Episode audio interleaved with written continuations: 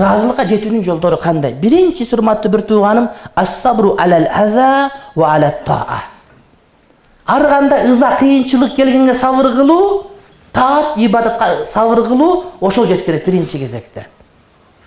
Сен кудайдын ыраазылыгын алып жана кудайга өзүң толук ыраазы болуш үчүн биринчи кезекте сенин башыңа келген ар кандай кыйынчылыктарга ыраазы болушуң керек. Анан кудай жолунда кудайга итаат таат кылып атпайсыңбы? Ошого дагы ыраазы болушуң керек. Ыраазы болсоң ошондо сага ыраазылык келет ансыз келбейт. Кээ бир адамдар келет дагы мага сурай берет кантип сабырдуу болом? дейт да.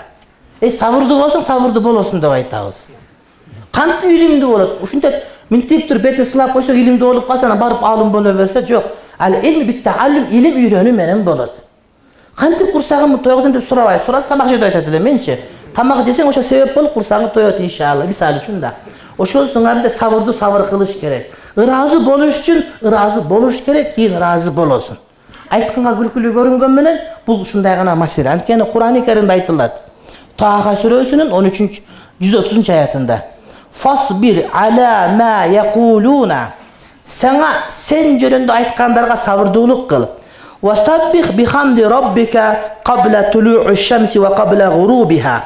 жана кудай таалага таспих айтып зикир кыл дейт мактап кудайды күн чыккандан мурда күн баткандан мурда мин лейли фасаббих атрафа нахари жана түндүн тараптарында күндүн тараптарында эртели кеч сен дейт. Таспих айт дейт балким ыраазы болорсуң дейт. Көрдүңбү сабырдуулук кыл зикир кыла турган болсоң ибадат кыла турган болсоң кудайым сага ыраазы болуу макамын берет деп курандын өзүндө айтып атат. Экинчиси кудайдан сураш керек о кудайым сенин өзүңө диниңе пайгамбарыңа ыраазы болгонду мага насип кыл. О кудай таалам мага тагдырдын жамандык жакшылыгына ыраазы болгонду насип кыл деп дуба кылыш керек. Пайгамбарыбыз алейхисалам азирети зайд бин сабитке айткан эй балам сага дуба үйрөтөм ушул дубаны өзүң дагы таштабагының балдарың дагы таптакыр таштабасын деген. Кандай дуба эле о кудай таалам менин тагдырыма жазылынган иш бар каза өкүм бар. Ошол өкүмгө мени ыраазы кылып ыраазы кылганды сенден сураймын кудайым. Сен өкүм кылсаң сен тагдыр кылсаң ошол тагдыр болгондон кийин ошого ыраазы болгонду мага насип кыл о кудайым деп ыраазылыкты сураган демек дуба кылганда аман болсун эл жер аман болсун дегенден башка дагы мага ыраазылык бер ыраазы болоюн деген ыраазы боло турган сыпат макамды сурашыбыз керек. Андан кийинкиси урматтуу бир тууганым пайгамбарыбыз дуба кылат эле аллахумма асалука сихата вал аффата вал аманата ва хуснал хулуqi ва риза бил кадари имам бухари ал адаб ал муфрат китебинде риваят кылат мындай дуба кылат эле о жараткан кудайым. Сенден ден соолук сураймын. Сенден ден соолук сураймын. Вал иффата. Жана такыбалык сураймын. О кудайым эй сүйлөбөй чыккыла. Сүйлөбөй чыккыла. Тоок бир тукум туса беш мүнөт кыйкырат он мүнөт кыйкырат тукум атып эми таарат алып атканын көрүп атабыз баардыгыбыз акырын чыгып таарат алып келе бер сүйлөбөй эле о кудай таалам сенден ден соолук тилеп дуба кыламын. Вал иффата. Эмне тилейм деди? Иффат экинчиси. Такыбалык тилеймин деди. Биринчи ден соолугумдагы ден соолук экинчиси ыйман адеп аклагымдагы ден соолук сураймын. Вал аманата аманат сураймын сенден. Аманатка бекем болоюн. Аллахтын дининдеги аманат мамилемдеги аманат үй бүлөмдөгү аманатка бекем болоюн көп адамдар үйлөнөт аялга зордук көрсөтүп урат кээ бирлер кечээ алайдан бирөө келет урушупка жарашып кетиптир. Аялы ноокаттаган экен. Анан эмне ажырашып аялым кетип калды десе кайненем жибербей кайненем эмне кызым урасын дейт. Эми урса жибербей коет да. Ушундай алганга чейин баардыгы алтыным дейт алгандан кийин катыным деп туруп эле уруп ушинтип аялдарды кор кылып алгандар бар да. Ал аманат колго берилген. Сага нике болуп атканда сага берилген аны урган таптакыр болбойт туура эмес аялды урган бул акмакчылык. Бишкекте бой без правил деген бирөө бар. Биз аны колдобойбуз анча мынча молдолор барат биз жакшы көрбөйбүз ал оюнду. Ал туура эмес оюн. Бирок мен ошолорго сунуш кылам. Кимдеген катынын ура турган болсо мага келсин мен ошо бой без правилге жиберип коем. Барып катышып келсин. Аялын урган бул акмакчылык. Бул аманатка кыянатчылык. Мына аманат сурап атат. Ва хуснал хулук жакшы кулук мүнөз сураймын. Ва риза бил кадари тагдырга ыраазы болгонду сураймын деп атат эмнени ден соолук такыбалык аманат жакшы кулук мүнөз жана тагдырга ыраазы болгонду сурайм деп сураш керек кудайдан урматтуу бир туугандарым андан кийинкиси марифатуллахи субханаху ва таала. Аллах тааланы таануу. Эгерде биз ла илаха иллаллах дегенди билиш керек. Алты сыпатын алгачкысы ла илаха иллаллах жарым ошонун. Аны билүү үчүн кудайды таануу деген сөз анын мааниси аллах тааладан башка ибадатка ылайыктуу зат жок деген сөз урматтуу бир тууганым. Эгерде кимдир бирөө аллах таала жөнүндөгү акыйдасын бекем изилдеп окуп үйрөнө турган болсо бул тагдырга ыраазы болот. Анткени бул адам билет аллах хаким. Кудай тааланын кылган ишинин баардыгында хикмат бар. Кудайдын кылган ишинде хикматсыздык жок зулумдук жок анда. Биз бир иш кылсак ката кылып алышыбыз мүмкүн бирок кудайдын ишинде ката бол деген сөз жок болот. Биздин чала акылыбызда чала моңол жүрүшүбүздө бизге туура эмес көрүнүшү мүмкүн. Бирок түпкүлүгүндө биз үчүн үй бүлө үчүн баардык адамдар үчүн жакшылык бар. Мына ушундай урматтуу бир тууганым. Демек кудайды тааныбагандар кудайга ыраазы боло албайт. Кудайды тааныбагандар кудайга ыраазы болот. Кудайдын тагдырына ыраазы болот кудай жиберген динге ыраазы болуп жашайт азирети умар менен пайгамбар бир күн сүйлөштү ал мусулман эмес эле. Ошол убакытта. Айт ай умар деди. Эй умар ушунчалык акылың бар мен сага таң калам кантип мусулман болбой жүрөсүң сен? деди. Акыл эстүү адам мусулман болмоюнча жүрүшү мүмкүн эмес. Болгон исламды билбегендер бар да ошон үчүн кудай жөнүндө көбүрөөк окуп аллах таала жөнүндө акыйда илимин окуй турган болсок адамда ыраазылык келет. Анткени кудай таалам айтат да эй пендем эгерде мен сага жакшылык жазып койсом ааламдын баары чогулуп инсандардын баары чогулуп ага плюс жиндери шайтандары кошулуп сага жамандык кыла албайт. Эгер сага жамандык жазып койсом ааламдын баары чогулуп сага жакшылык да кыла албайт. Эй пендем ушуну билсек кудайдын кудурет күчүн билсек кудайдын улуктугун биле турган болсок анда кудайга ыраазылык келип чыгат да демек бир адам мен кудайды тааныймын аалыммын деп бирок ыраазылык касиет жок болуп аткан болсо анда бул адам аалым эмес деген сөз болот. Бул кудайды билбейт экен. Кудай жөнүндө информациялар бар экен го бирок кудайды билбейт экен деген сөз болот. Мисалы үчүн бир адамдар бар машиненин баардыгын билет. Бул форд бул тойота бул андай бул мазда палан түкүн мотор сотор бирнеке балон дөңгөр баарын билет бирок айдаганды билбейт.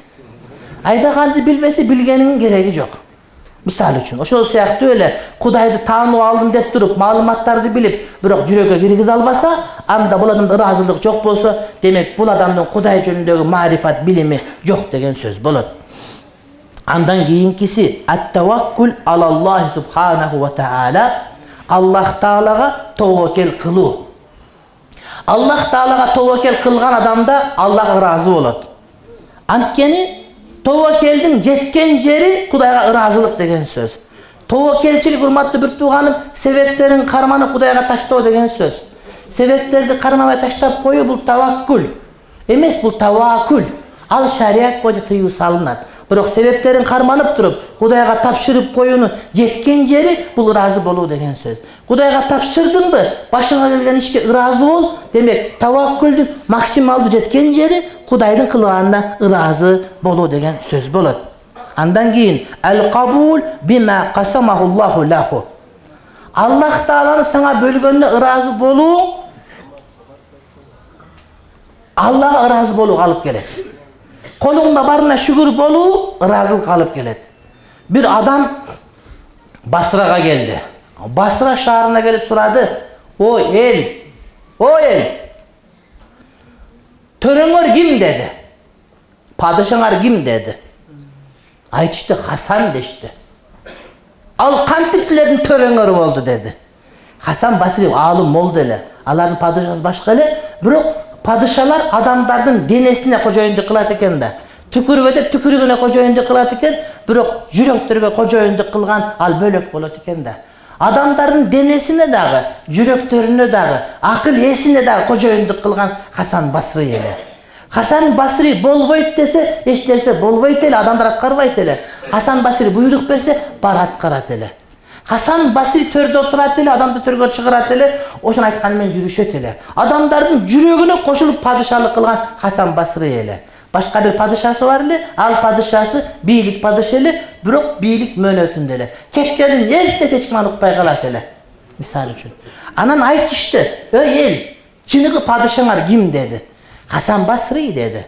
О хасан басри болсо хасан басри кантип силерге падышалык кылып калды? деди айтты адамдар дагы бар нерсеге эч качан үмүт кылган жок алладан сураган жок. Бирөөдөн бир тыйын сураган жок бирөөдөн бир жардам сураган жок. Адамдар дагы бар нерсеге үмүт кылган жок эч нерсе сураган жок. Бирок адамдардын баардыгы андагы бар илимге андагы бар сүннөткө андагы бар динге муктаж болушту дейт. Ошон үчүн бул биздеги падышалык макамга жетти да урматтуу бир тууганым ошон үчүн ар бирибиз өзүбүздүн падышабыз болушубуз керек. Биринчи өзүңө падыша болсоң анан кийин башкаларга кызмат кылганга жетесиң деген сөз болот. Андан кийинкиси мужаласатул фукара кембагалдар менен олтуруу сага ыраазылык берет. Жеп аткан ичип атканыңа ыраазы болбойсуң анткени сен байлар менен жүрөсүң да. Сен бир койду бир жума десең тиги бай бир күндө бир тай жеп аткан болот. Анан кедей байга жетсем дейт бай кудайга жетсем дейт болуп жүрө бересиң да. Ошон үчүн кембагалдар бечара менен отуруп дабатка чыгып бечаралардын жанагы көч жок эт жок макарондон жей турган болсоң өзүң ыраазы болосуң урматтуу бир тууганым ыраазы болуш керек бир нерсеге. Нааразы эле боло берсең болбойт. Имамга нааразы болосуң. Имамыңар аалым экзамен тапшырганда мен экзамен алгам.